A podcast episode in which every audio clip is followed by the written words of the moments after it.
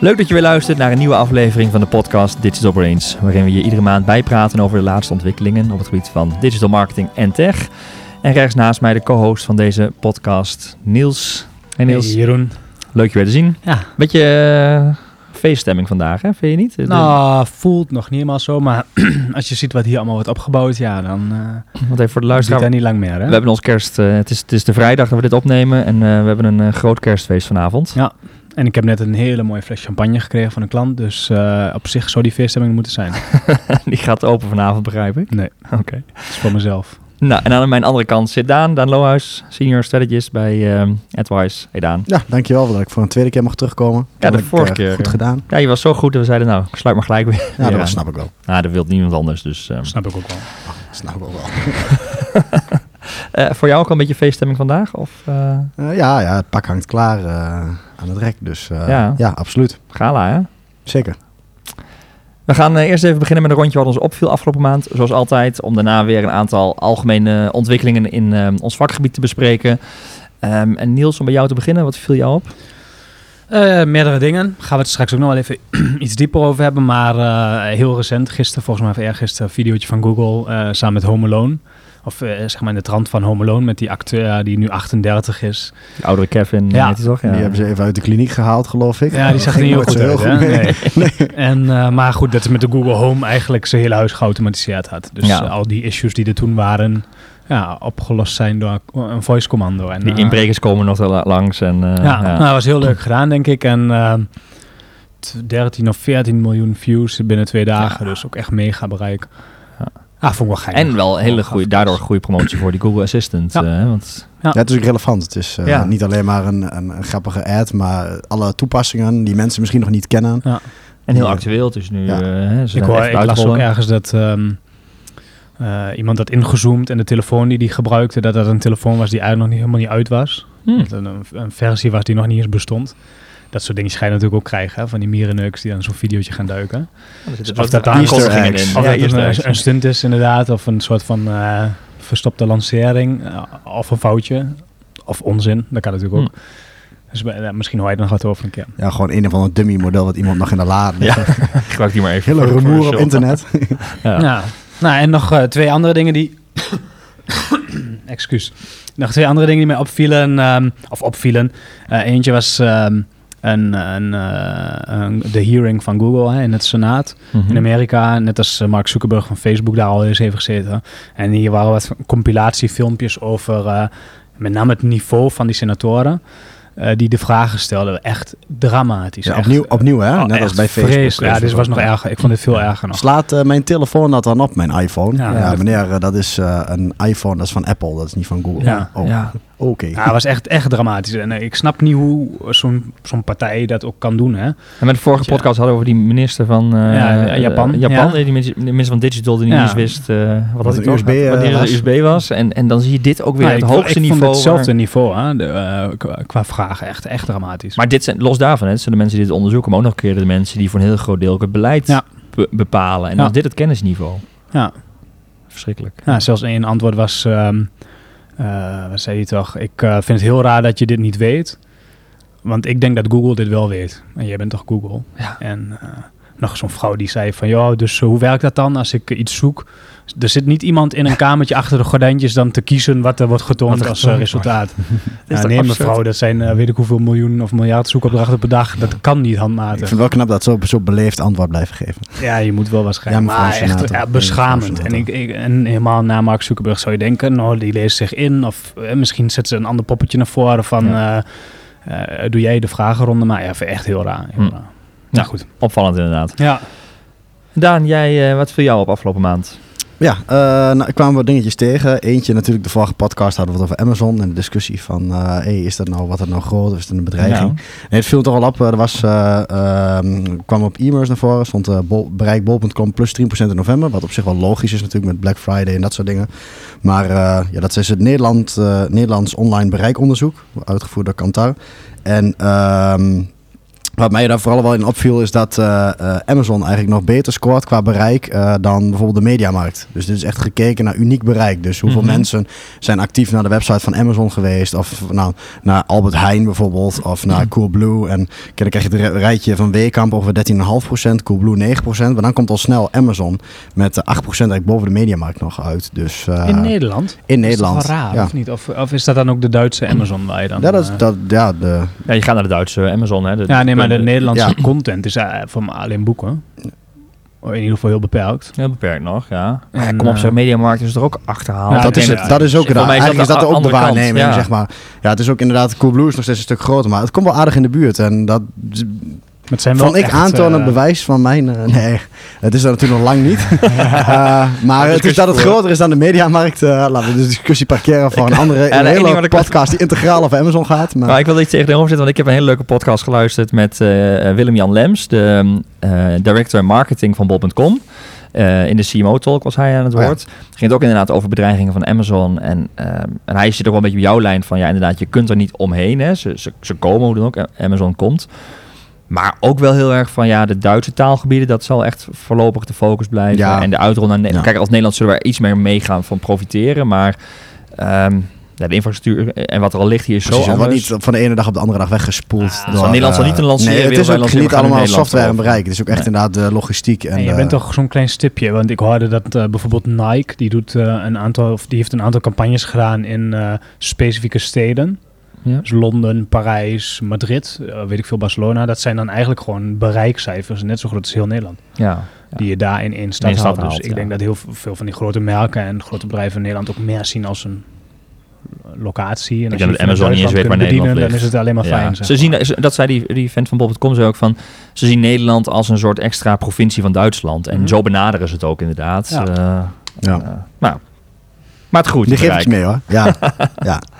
Wel grappig om te zien dat het ook allemaal ehm, eh, generieke resellers of generieke eh, spelers zijn. Hè? Dus een, mediamarkt is al wat specifieker, alleen elektronica.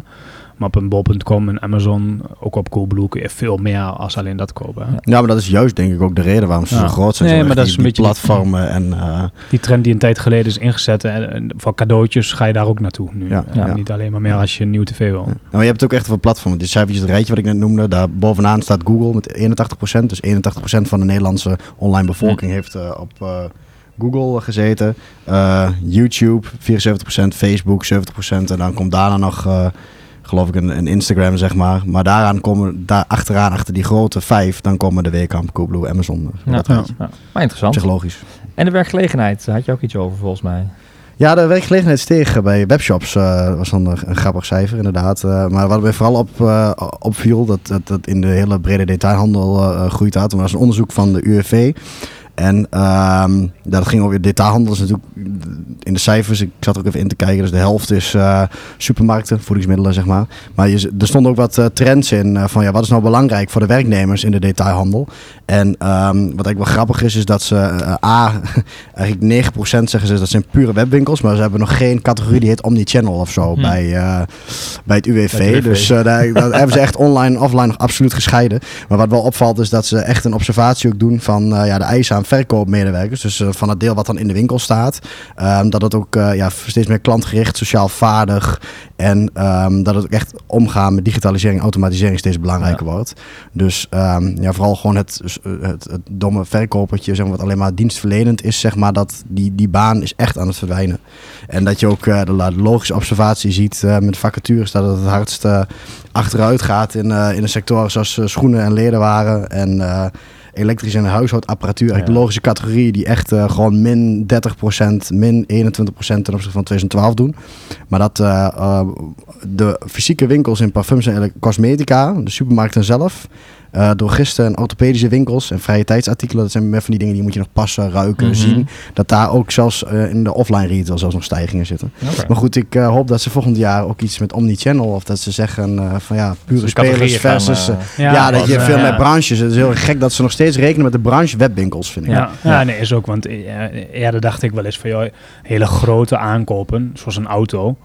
Eh, die doe je misschien niet online, dat doe je in een showroom. En dan de velgen bijvoorbeeld, die st- bestel je wel online. Ja, Maar toch zie je daar ook een trend in dat juist ook, ook eh, net als bij een Kees Smit als klant van ons, echt een loungeset van 6000 euro online worden besteld. Ja. Terwijl ik dacht altijd, die moet je zien, daar moet je op zitten, die moet je voelen.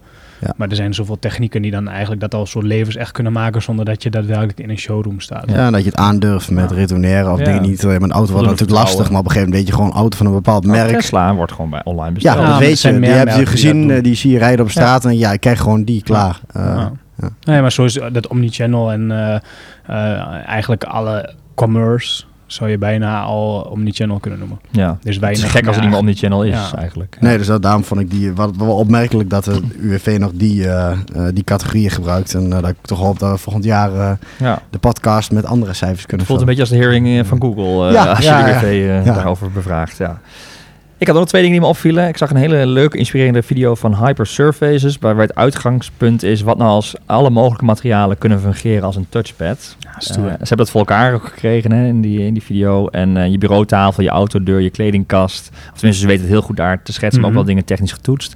En dan gaat, we hebben het vaker gehad, eh, hoe belangrijk voice dan wordt. Ja. Alles wordt touch en voice eh, gestuurd. Dat is interessant om te zien eh, hoe dat eruit ziet in die video, vast wel in de show notes. Ja, hij komt in de show notes. En, eh, inspirerend. Ja. Maar dan inderdaad hoe dat uiteindelijk allemaal uitpakt in de praktijk. Ja. En Ja. ze hebben ook toepasselijk een DeLorean eh, auto er neergezet Ja. van Back to the Future. Dat is grappig. ja, ja. Ja. Nou ja, ik, want ik heb lang geleden, denk ik, toen ik begon bij AdWise ongeveer, dus een jaar of acht geleden, ehm, had je al een of ander sieraad. Dat was een ketting, die kon je om je nek doen en daar zat je telefoon in verwerkt.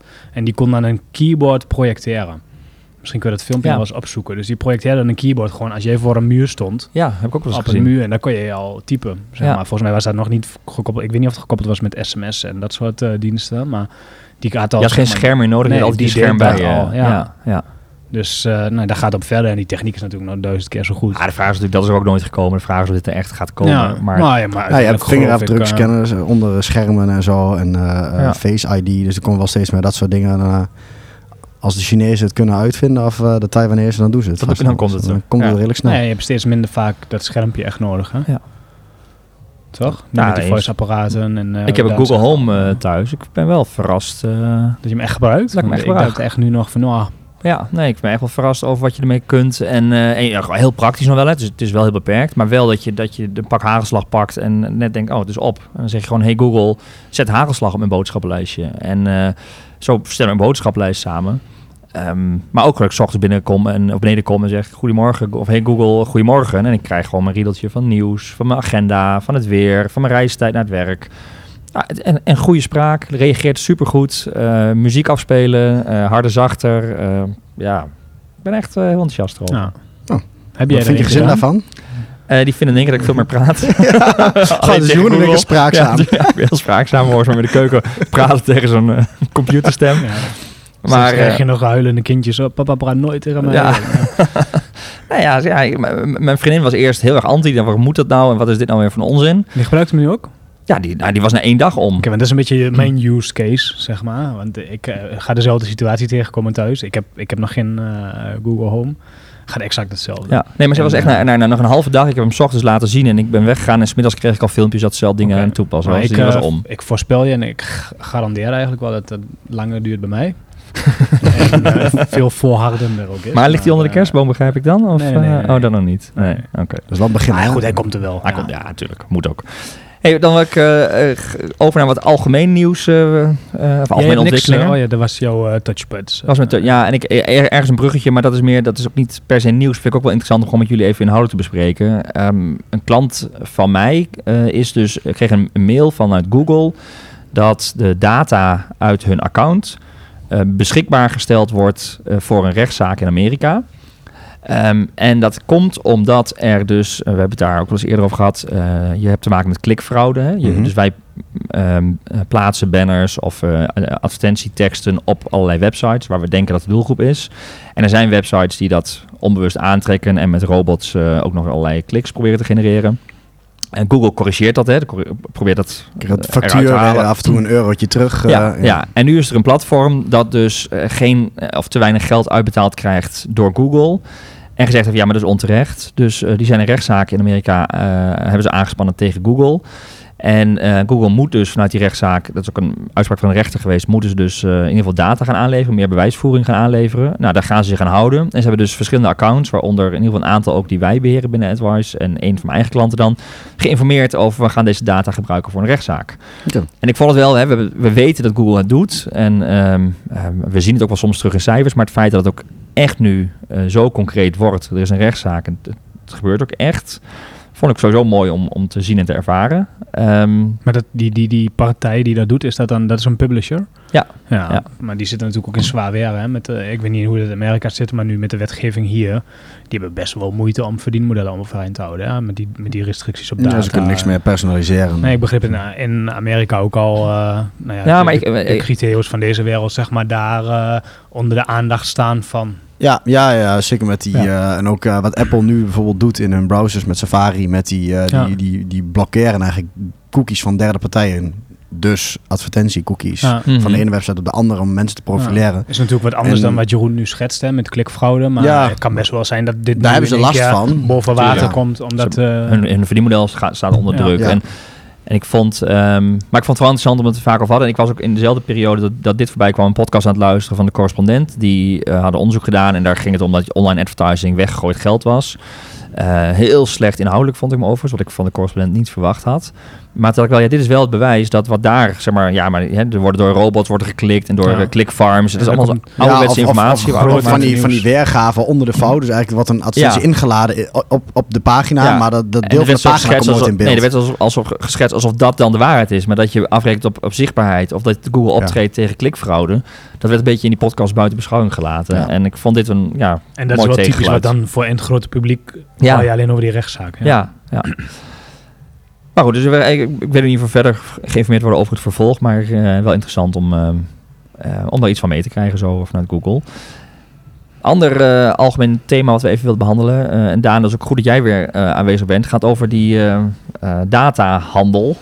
Ehm, Favoriete thema AVG, hè? AVG, maar, maar, maar nu zo, eh, ja, ook weer concreet. Hè? De sportbonden die data van leden verhandelen met, eh met, met groot in sponsoren. het nieuws geweest ook nu. Hè? Dat eh, KNVB, KNLTB, tennis, die echt gewoon jeugdleden data doorverkopen. Ja, Ja. Wel met de disclaimer erbij, je mag alleen maar brieven sturen, bijvoorbeeld eh, ter attentie van de ouders of verzorgers.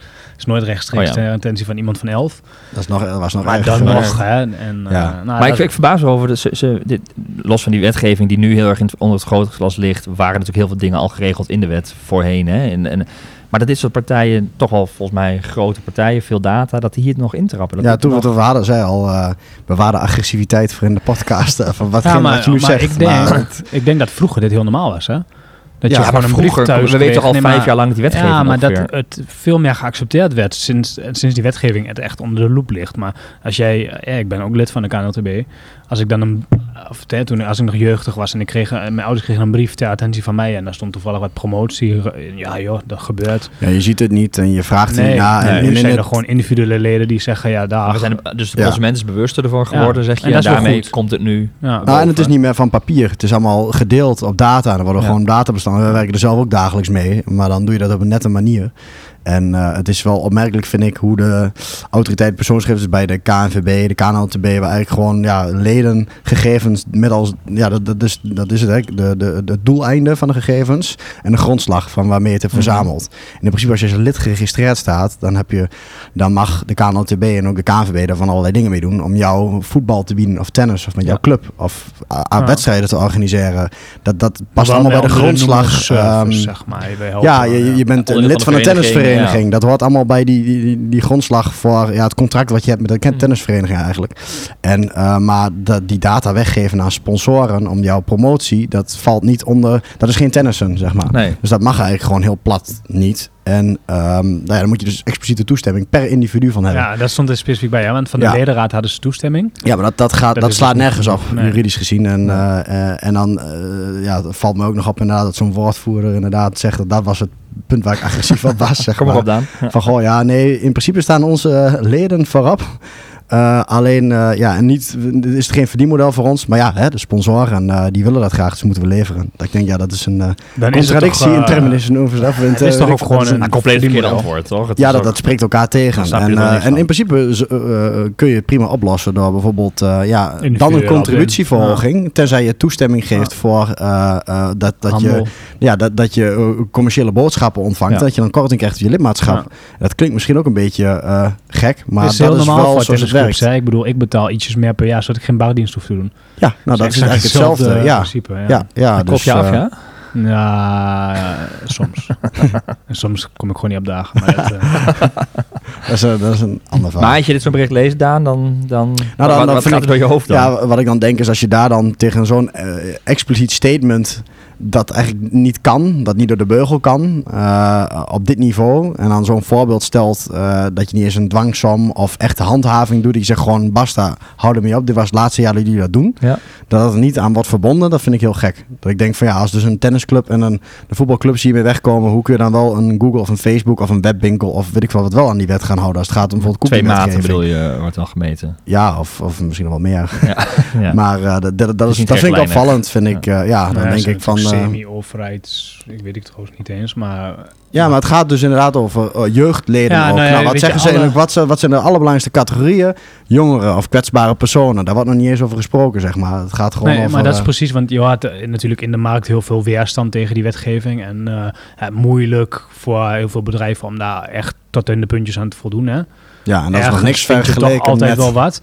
En dan zou je denken, nou, dit is eigenlijk inderdaad de, de case waar ik Ja. denk, hey, die wetgeving is hartstikke zinvol. Want je Waar bijna en iedereen het mee eens Hier, is. weet Ja. iedereen, dit, Ja. hier, is die wet, hier is geen ruis over in de wetgeving. Nee. Iedereen weet dat dit gewoon niet kan. Ja, en niemand Ja, vindt maar dat ze waren ook wel duidelijk in de bewoording. Hè? Dit is absoluut eh, ook, eh hoe heet zij, Aleid Wolfsen. Ja, Hij. Die- dat kan niet. Aleid Eh, Wolfsen. of sorry, Ja. hij. En eh zeg ik zij? Ja. Oh. En, eh, wat hij kan- zei. Dit kan, Oh. Ja, precies. Eh, dit- kan echt niet. En juist ook inderdaad dat het minderjarigen zijn, maakt het extra erg. Dus, eh, Ja. nou ja, de eerste, voor mij de eerste echt grote case waarin ehm, nou ja, je iets hoort van de autoriteit persoonsgegevens. Nou, ik heb ook niet mijn radar super goed opengegaan. En het is echt groot in het nieuws geweest. Ja, maar en, concrete. Met Facebook en Google denk je altijd van ja, dat Ja. is, maar dit is echt herleiden naar individuen. Ja, nou, dat was ook bij de Kamer van Koophandel en de Belastingdienst. Ja. Belastingdienst ja, maar daar is met, nog eh, geen uitspraak over nummers geweest, in... eh, nee, ja, dat klopt. En, nou, dit ook eh, niet, maar ze zijn er nee. dus echt niet eens actief op. Ja. eh, ik zou zeggen, dwangsom erop. En jij zei Ja, vorige keer volgens mij ook nog zo'n bank die een boete had gehad, toch? In Ja. Singel uh, Ja. In Gillissen. En ehm, nou, eh, dit is in principe alleen maar goed. En wat ik nog las in dat artikel is dat nu juist die partijen, en die derde partijen, die eh, publishers, dat die nou vooral degene zijn waar een aanklachten tegen ingediend worden. Mhm. Criteo, eh, wat stonden er van namen in? Uh, Zulke soort partijen. En dat snap ik. Ja. Maar dat is denk Ja. ik voor een gemiddelde consument een stuk moeilijker. Nee, die snappen dat. raakt ver voor van, eh, je bedshow. nou. Ja, Ja. precies. Ja. Hey, de maand december eh, levert eh, op zich niet zo heel veel nieuws op in ons vakgebied verder. We hebben heel veel besproken, maar als je kijkt naar social, en normaal gesproken kunnen we een hele podcast vullen over ontwikkelingen op social, maar er gebeurt nog niet heel erg veel op dit moment. Het is een beetje Kerst. kerst Ja. en wachten op het nieuwjaar. Vaak eh, de, de toplijstjes. Hè? Dit was in dit jaar Ja. goed en volgend jaar verwachten we kun je verwachten en eh, dat soort dingen. Wat dan wel interessant was, dat Facebook eh, start met adverteren in zoekresultaten. Als je gaat zoeken binnen Facebook. En eh, dat biedt wel weer mogelijkheden voor, denk ik, heel veel merken. Nou, ik zie twijfelt. het nog niet helemaal. Eh, maar goed, ik kijk alleen naar mijn eigen case. En wanneer zoek je nou op Facebook?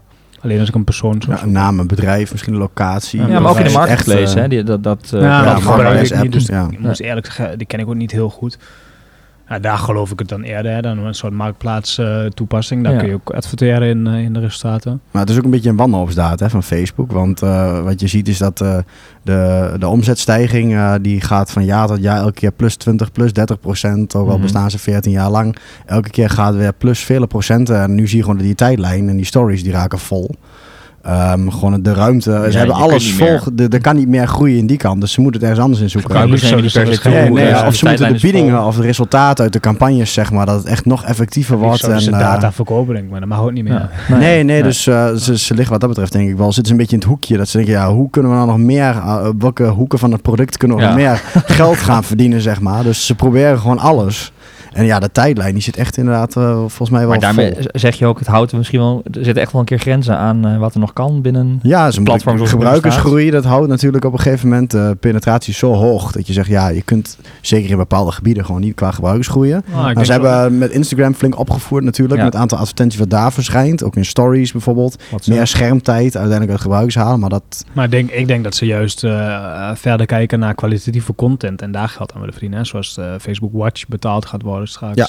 Hm. Dat zijn veel, vind ik veel gavere, la- eh, lange termijn duurzame dat moet ook, denk ik. zeg maar. Ja. Ja, Ja. Alleen dat is moeilijk om daar weer 20% te plussen. Dat iedereen. Dan zou iedereen echt bij de biedingen of bij de investeringen die ze doen ook 20% moeten plussen. Dus de prijzen opdrijven. Ja. Wat je krijgt voor wat je te zien krijgt in de tijdlijn. En volgens mij is dat hun grootste uitdaging. Of nu. accepteren dat de groeicurve van je bedrijf op een gegeven moment Dat wat kan ook. vlakker wordt. hè. Ja. ja. Nou, een partij die dat niet doet is Microsoft. Die zijn in ieder geval druk bezig met LinkedIn en, eh en ontwikkelingen in, eh, in Bing. Hè. Die Ja. brengen ze samen en daarmee wordt het wel steeds krachtiger gedaan. Ja, want eh, eh, dat, dat zie je nu. eh, begin dit jaar was het inderdaad, eh, ook hier geloof ik al tijdens de podcast een keer besproken, dat eh, ja, Link, Microsoft heeft LinkedIn gekocht dan eh, een jaar geleden, of misschien wel twee jaar terug, ik weet het niet eens meer. Eh, tot, tot dus toe niet heel specifiek Microsoft dingen mee gedaan, maar op een gegeven moment werd het gekoppeld met eh, display advertising al van Microsoft, dus de banners en het Ja. advertentienetwerk. Maar LinkedIn zie je ging ook dat zelf wat het, meer eh, ontwikkelen qua advertising mogelijkheden. Ja, ja, ja dat is ook echt eh, flinke slagen in gemaakt. Je kunt ook echt met video's en Ja, allerlei en het is formaten eigenlijk, nu. als je erover nadenkt, zonder hele grote updates. Hè, natuurlijk wat formaatjes en een paar types. En eigenlijk vonden wij vaak ze lopen achter. Hè, met eh, stories komen ze heel laat mee en noem maar op. Hebben we vorige podcast nog over gehad. Maar als je erover na, als ik er gewoon plat over nadenk, begin van dit jaar en, en nu, wordt het, gaat het veel vaker over LinkedIn in een middelenmix dan, eh, dan, eh, dan een jaar geleden. Ja, dat klopt. Dus Echt wat dat betreft flink vergroeid. En nu heeft Ja. inderdaad dus Microsoft Ja. ook het gekoppeld aan Bing. Zodat je de demografische gegevens en de, alle kenmerken in LinkedIn ook eh, Ja. voor search campagnes bijvoorbeeld kunt targeten. En Dat is interessant hoor. Ja, en in Bing is natuurlijk niet de zoekmachine, maar binnen B2B toch wel mensen die Edge browsers gebruiken Ja. en Internet Explorer, waar Bing vaak als default staat ingesteld of gewoon binnen de zoekbalk hè, van Windows eh, ehm, eigenlijk dat ook vaak op uitkomen, is het wel interessant. En het is vooral interessant om te zien dat ehm, Microsoft LinkedIn meer gebruikt als ook een platform gedacht. En dat is Facebook en eh, ook een login heeft met single sign-ons bijvoorbeeld. Mhm. Dat je zegt ik log in met Facebook. Heb je natuurlijk met Google en accounts ook. En dan heeft Microsoft dat nu ook met LinkedIn. Ja, Eh, waar je kunt inloggen en in het ingelogde status meerdere websites bezoekt, waardoor je minder afhankelijk bent van bijvoorbeeld cookies of andere trackingmethoden. Dus de Microsoft ook wat dat betreft met LinkedIn wel een ijzer in het vuur. En dat zijn ze nu ook echt aan het uitbreiden en aan het en volgens mij ook als je kijkt naar doelgroepen die je bedient met die platformen. hè. Ik las toevallig vandaag een onderzoek, ook van Kantar, over eh, engagement op social. Hè, dat Facebook wat ouder wordt. Ja. De, en de oudere Mhm. doelgroep vanaf 50 plus Mhm. eigenlijk niet meer merkgevoelig is door digitale of door Facebook eh, advertenties of storytelling. Dus die, die, die, bin- die verbinden zich minder vanaf je 50ste schijnbaar. Niet, verbind je je minder aan een merk door de uitingen die je ziet op Facebook. Dat Ja. was een uitkomst van het onderzoek. En dan had je nog wel een klein groepje early adopters, zeg maar 50 tot 54, die dat nog iets meer had. Ja. Maar Mhm. nog hoger in de leeftijd werd dat minder. En eh, eigenlijk wil elk platform een beetje inzetten op die millennials en generatie daaronder. Generatie Z of zo heet het toch? En ehm, daar is LinkedIn nu volgens mij heel erg mee aan het groeien. Ja. Ik betrap Ja, mezelf dus, ook op eh, hoor, dat ik ook eh, veel meer op LinkedIn, veel meer op? LinkedIn zit. Ja, daar kom je kennis ook content beter. en wat echt, content. eh, ja. Nou, ik doe het ook. Facebook is veel minder. Echt, echt als ik alles gehad heb en ik verveel me nog even, dan ga ik Facebook pakken ongeveer. Ja. Ja, en Facebook is ook echt, B2B kon je er inderdaad ook wel een beetje mee doen. Natuurlijk met retargeting, Ja. lookalike audiences of een klein beetje werkgevers. Maar voor de rest steekt eh, eh, Microsoft daar natuurlijk met LinkedIn al flink bovenuit qua echt kwaliteit van targeting. Ja, en ik En- denk inderdaad engagement met het platform. Ik denk tijd op eh, in de app hoger Ja, is. ja. Ja. nou, ik weet niet, ja, een beetje wat jij met Twitter hebt, heb ik nu met LinkedIn. Ja, echt kwalitatieve Dan content. zit Of, Microsoft in de zakelijke markt best wel goed. eh, want ze nou hebben een ook updateje op. Twitter. Update op Twitter, Oh, jongen. Twitter Staat niet in update. de- Oh, sorry, ik hou direct mijn mond. Ja, ik wou eh, zeggen, oh, stop. Stage is yours. Ik heb de, de, de, ja, ik ben niet de enige, veel meer natuurlijk, maar die, eh, die nieuwe functie van de tijdlijn heb ik in mijn app zitten. Dan kun je dus switchen tussen populair en meest recent. En Ja. ik, ja, die is wel heel fijn. Ik, Ja. eh, iedere keer moest ik anders echt een instellingen dat aanpassen en mijn app afsluiten en even wachten en dan ging ik opnieuw laden. Maar nu kan ik real-time eigenlijk zeggen, ik wil nu de meest populaire tweets uit mijn profiel eh, zien. Of ik wil nu weer gewoon de meest recente. Dus je gaat nog meer tijd besteden op... Nou, het, het nam iets af, betrapte ik me wel. Ik was Oh. heel erg aan het promoten hier, maar het nam toch iets af. eh, Ja. mijn- en ik, het gaat weer terugkomen. Nou, maar nu. ik geloof ook met dat, eh, helemaal als je niet per se gebruikt om bijvoorbeeld personen te volgen, maar echt eh, kennis op Ja. te halen hè, van blogs en van eh, nieuwswebsites. Ja, daar geloof ik wel in Twitter en helemaal op zo'n manier. LinkedIn blijf je toch die connectie met personen altijd hebben. Dus dan zie je die persoonlijke updates ook. En Mhm. Het kan ook heel interessant zijn maar als je puur voor kennis ophalen doet. Ah, geloof ik wel in. Maar ook het Twitter. recent is bij Twitter best wel belangrijk. Ja, in een juist. moment en actueel Kwaliteit, wat er op dat ja. moment op is en eh, discussies volgen. Dat was dan, toch altijd het ding van Twitter? Ja, En, dat, voor- en op een gegeven moment kon dat veel minder. En dat vind ik weer mooi dat ze dat nu op deze manier teruggebracht hebben. Maar goed, dat is een, een sidestep. Ehm, nog even bij eh, Bing blijvend, want dat, ehm, daar waren we over aan het praten. Ehm, ook de Bing Ads heeft zich weer iets verder ontwikkeld. Hè. Gaat weer richting Google. Eh, drie headlines, twee beschrijvingsregels. We hebben dan in Google ook die uitgebreidere, eh of grotere advertentieformaten gekregen. Nou, Bing doet het nu ook. Ja, ik denk ook logisch gedaan dat ze deze stap... eh, Die copy-pasten alles. eh, Ja. Want eh, het is ook afgelopen jaren steeds eenvoudiger geworden om dingen te kopiëren van de ene instelling van de andere. En eh, ja, ik juich het alleen maar toe, want dat maakt het makkelijk. Maar afgelopen week toevallig nog voor inderdaad voor een klant een Bing-campagne erbij naast gedraaid. Van een klant die zei van, Mhm. goh ja, is dat nou allemaal wel zo belangrijk? Maar eh, ja, die pakt ook wel gewoon flink een aandeel in de conversies. eh, vrijwel gelijkbaar als Google. Dus eh, je ziet nog steeds dat het toch wel belangrijk is voor zo'n 5 of, of 8 procent. En dat klinkt niet veel, maar in de Ah. grote aantallen Tuurlijk man. Heeft het niet echt vergeten. impact? Nee. niet vergeten, Ja. inderdaad. En, en je, eigenlijk gaat die hele strijd straks met als, als iedereen over is op voice natuurlijk gewoon weer opnieuw losbarsten. Wie heeft als eerste het beste apparaat? Wie kan het beste de zoekresultaten beïnvloeden? En noem maar op. Ja, beïnvloedend, wie krijgt zoveel negatief. mogelijk de zoekmachine of de voice assistent Ja. voor de neus van de gebruikers? Precies, ja. Dat is Google heeft het wel goed bij bezig. jou gedaan. Ja, ik ben om. eh. Ik ben om. En, Ja, ik, ik, en kennis mij heeft Apple. gezin ook. En, ja, maar kennis mij heeft dus de, de HomePod ook van, eh, voor dat ding van, van Apple met Ja. Siri. Die is echt slecht. Ja, Siri is echt... eh, is echt slecht. En eh, ook, want ik, ik Nou kan ja. wel tegen. We hebben een, te- een test gedaan in beide eh, systemen. Ik kan zeggen tegen Google: Hey Google, welke datum is het over zes maanden? En dan krijg ik dus de goede datum. Nou, en als hij dat tegen zijn Apple-apparaat zet, eh, dan komt er van alles terug behalve de goede datum. En Ja. hij kan het gewoon niet Maar verwerken. is het En- niet gewoon eh, eigenlijk eh, oh, een goede local strategie van Google, die dan wel zegt, oké, Nederland is een, of Nederlandstalig is een gebied voor ons waar we echt wat mee willen of doen. Maar ik denk dat Google ook met dat, Google Apple dat wat Translate minder wordt heel erg in die taal eh, ja, Google zit. is een informatiebedrijf en Ja. Apple is een productbedrijf. Juist. Ja. En, die dat is informatie in, van eh, Google, ja. Google is zo ver Ah, al in de Nederlandse Ja, taal. inderdaad, dat ze was hele, de reden om translators uitgevonden natuurlijk om informatie, ook als machine learning ze- te kunnen vertalen en Ja. laten mensen gebruiks, menselijk gebruik corrigeren, wat het eh, algoritme beter. Dus Net als waarom ze dat dat allemaal hebben. Hè? Vertel welk Ja. plaatje je in een stoplicht ziet. Ja, dat is Het is alleen maar machine learning wat ze aan het doen zijn. We worden gewoon misbruikt. Ja, maar er was wel er was nog een nieuwsitem wat ik twijfelde nog om in te dienen. Maar eh in nieuws die wel relevant inderdaad. Dat ook eh nu eh, op het niveau van eh, eh, corporate bestuur, zeg maar, op het niveau van eh, Johnny Ive, die designer. En natuurlijk Tim Cook eh, is Ja. nu ook de oud AI-baas van eh, Google, zeg maar. Die daar eh, acht jaar heeft gewerkt. Eh, die is sinds een half jaar overgestapt naar Apple toe dus. Onder andere heeft hij Siri onder zijn vleugels. Maar ook inderdaad Mag al die wel. machine learning hardware die Apple heeft in het apparaat zelf. Dat is wel een van de onderscheidende dingen. Ja. En die is nu ook gepromoot tot senior vice president. Dus die zit nu ook in, ja, in de hoogste lagen van, van, Apple. Dus ze zetten er wel flink op in. Dus ik ben wel benieuwd wat er komt. Komt inhaalslag. Jaren, ja, of misschien ook wel vanuit andere hoek. Meer vanuit Ja. de hardware en lokaal op je device als spraakassistent bijvoorbeeld. eh, of eh, ja, real-time dingen eh, Hm. met eh, AI berekenen. Dus ik ben benieuwd. Dan het laatste puntje van deze podcast. Eh, Google toont steeds minder video- en imageboxes in de zoekresultaten organisch. Wist je dat al? Ja, was jou dat opgevallen, Niels? Eh, nee, wel dat ehm, volgens mij dat ze beginnen met het steeds vaker tonen van een positie 0 en zo'n een snippet bovenaan die direct antwoord geeft. Ja, dat je dus niet meer naar de site hoeft, maar dat hij dus de antwoord Ja. In een tabelletje of zo. Dat je Ja. dan, Ja. ja, dat, dat klopt. Dat Maar in dit geval, hè, je- voorheen had je dan, optimaliseerden we ook, hè, op afbeeldingen vinden. Ja, nee, dat wist ik niet. Of eh, tenminste niet sinds ik die blog had gelezen eh, daarover. En eh, moet zeggen, hè, vaak zijn het technische instellingen die je doet om te zorgen dat je er staat als je er staat. Heel erg veel meer kun je het ook niet beïnvloeden. Nee. Ehm, je kijkt heel moeilijk dan. Ja, ik ben benieuwd. Ja, nee, dus eigenlijk, ja, wat verandert dit in je dagelijkse werk, weet ik niet. Ik heb hem nog niet teruggezien in resultaten van klanten dat dat minder... Nee, maar eh, Google had wel de stap gezet om bijvoorbeeld eh, traffic via Google Images Ja, echt gaan maken. labelen in, in Ja. Analytics. Maar eigenlijk gaan ze het nu in Ja, gewoon organische goed, resultaten terugschroeven. Ja, maar ja, als je in die organische resultaten op dat afbeeldingje klikte, ging je ook eh, volgens mij gewoon naar het, het afbeelding. webresultaat en niet Ja. naar de afbeelding, toch? Maar dat weet ik Nou, eigenlijk dat niet. weet ik ook niet precies. Maar ja, ik vond de, de rich snippets, de verrijking van de zoekresultaten, vond ik altijd wel heel veel toegevoegde waarde hebben. Want het maakte kiezen makkelijker en beoordelingen werden getoond. En er Ja. stond een plaatje bij of de prijzen of de range van prijzen. Meer gestructureerd. Mhm. Ja, je maakte bewuster een keuze waar je ging klikken. Ja. Nou, misschien is dat, gaat dat ten koste van het verdienmodel van Google. Hè? Want als je twee keer in een verschillend AdWords resultaat klikt, omdat je net niet de Ja, je zag ook steeds vaker in, in afbeeldingen al Google Shopping terugkomen. Eigenlijk Ja. gewoon verkapte Ja. eh, Google Shopping Ja. advertenties. Stond er wel eens een productlabeltje bij, maar dan, eh, ja. Dus ja, nee, waarom zouden ze dit doen? Nee, er is er nog niet heel veel bekend. Het is pas sinds 13, 14 november dat dit opgevallen is. Ehm, en volgens mij is niet heel bekend wa- wat de reden hierachter is. Het zou, ja, Het zou ook nog kunnen dat het alleen in de VS nog speelt.